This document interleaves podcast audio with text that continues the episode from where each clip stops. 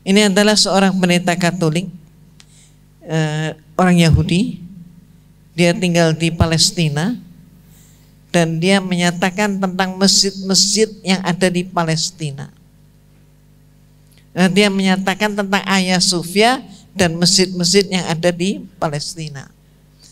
Maka dalam kesempatan pembandingan-pembandingan tersebut, dia menyatakan bahwa berbahagialah gereja-gereja yang kemudian diubah menjadi masjid. Kenapa? Karena umatnya yang masuk ke gereja itu sudah nggak ada lagi. Ketika gereja tidak jatuh ke tangan umat Islam, dibeli oleh orang Islam di menjadi masjid, maka banyak gereja itu yang nasibnya menjadi bengkel, menjadi rumah sakit, menjadi night club, sampai ada yang jadi hotel, ada yang jadi restoran dan lain sebagainya. Ini diungkap oleh dia. Maka berbahagialah gereja yang kemudian dibeli oleh umat Islam dan diubah menjadi masjid. Sebelum mulai, yuk dukung dakwah Fetizon TV dengan like, subscribe, dan nyalakan notifikasi. Jazakumullahu khairan katsiro.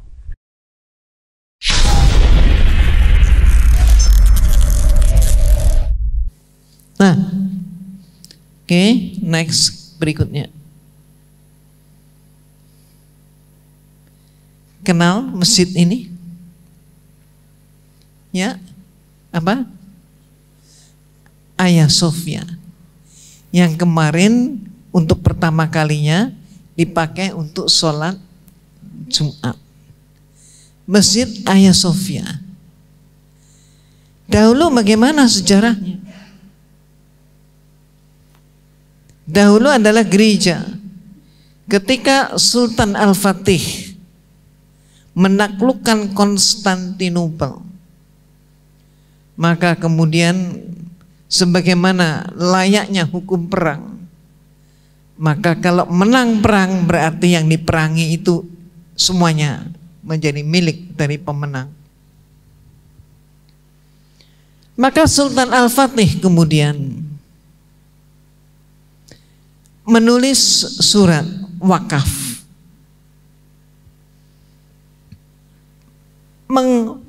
memberikan wakaf Masjid Ayah Sofia kepada seluruh umat Islam di dunia. Terutama yang ada di Turki. Ada dua pendapat. Ada yang menyatakan Sultan Al-Fatih sudah membeli Ayah Sofia, mereka sudah digantikan dan mereka sudah mempunyai tempat yang lain dan kemudian Ayah Sofia dijadikan masjid. Pendapat yang kedua menyatakan seperti yang saya sebut awal tadi karena Sultan Al-Fatih adalah pemenang maka semua yang ada di Konstantinopel kemudian menjadi miliknya. Termasuk apa? Yang sekarang disebut Konstantinopel adalah Istanbul. Nah, apa pun pendapat yang pertama dan kedua, kalau dikatakan bahwa negara kita dahulu pernah dijajah sampai lama oleh berbagai macam bangsa, maka ketika kita merdeka, penjajah terusir, kalah dengan perjuangan bangsa kita, maka seluruh gedung-gedung mereka pun menjadi milik gedung bangsa Indonesia. Betul nggak? Tapi kasusnya Ayah Sofia ini, ini walaupun dia masuk di teritorial eh, apa namanya Turki, jadi itu adalah Istanbul yang dahulunya Konstantinopel, apa yang terjadi? Negara-negara Barat banyak yang keberatan, termasuk siapa? Yunani. Padahal Yunani itu sendiri juga banyak sekali yang menadahkan tangan bantuan kepada Turki.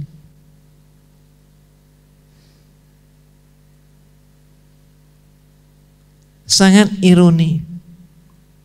Jadi alhamdulillah Erdogan presiden uh, Turki dia tegas dan dia pun memenangkan melalui mahkamah agungnya bahwa ini memang hak umat Islam yang dahulu Ayah Sofia adalah gereja kemudian seiring dengan menangnya Sultan Al-Fatih maka menjadi masjid. Setelah masjid maka oleh pengkhianatan Mustafa Kemal Atatürk maka kemudian khilafah digulingkan kalau saya sebut khilafah pada masa Sultan Al-Fatih khilafah itu adalah Abbasiyah Nah, kemudian apa yang terjadi? Yang terjadi oleh pengkhianatan Mustafa Kemal Atatürk, maka masjid itu pun ditutup, dialihfungsikan sebagai apa? Museum. Maka sekarang Erdogan menjadikan sebagai masjid kembali. Kurang berapa menit? Nah, oke. Okay. Coba kita lihat data lebih lanjut. Silakan.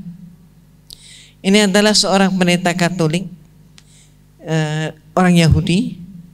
Dia tinggal di Palestina dan dia menyatakan tentang masjid-masjid yang ada di Palestina.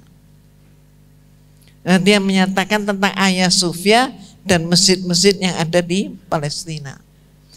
Maka dalam kesempatan pembandingan-pembandingan tersebut dia menyatakan bahwa berbahagialah gereja-gereja yang kemudian diubah menjadi masjid. Kenapa? Karena umatnya yang masuk ke gereja itu sudah nggak ada lagi.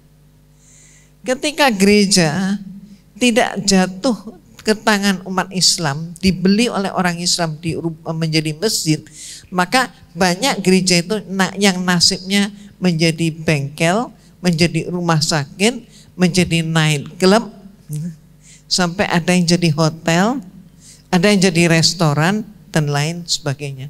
Ini diungkap oleh dia. Maka berbahagialah gereja yang kemudian dibeli oleh umat Islam dan diubah menjadi masjid. Oke, berikutnya lagi.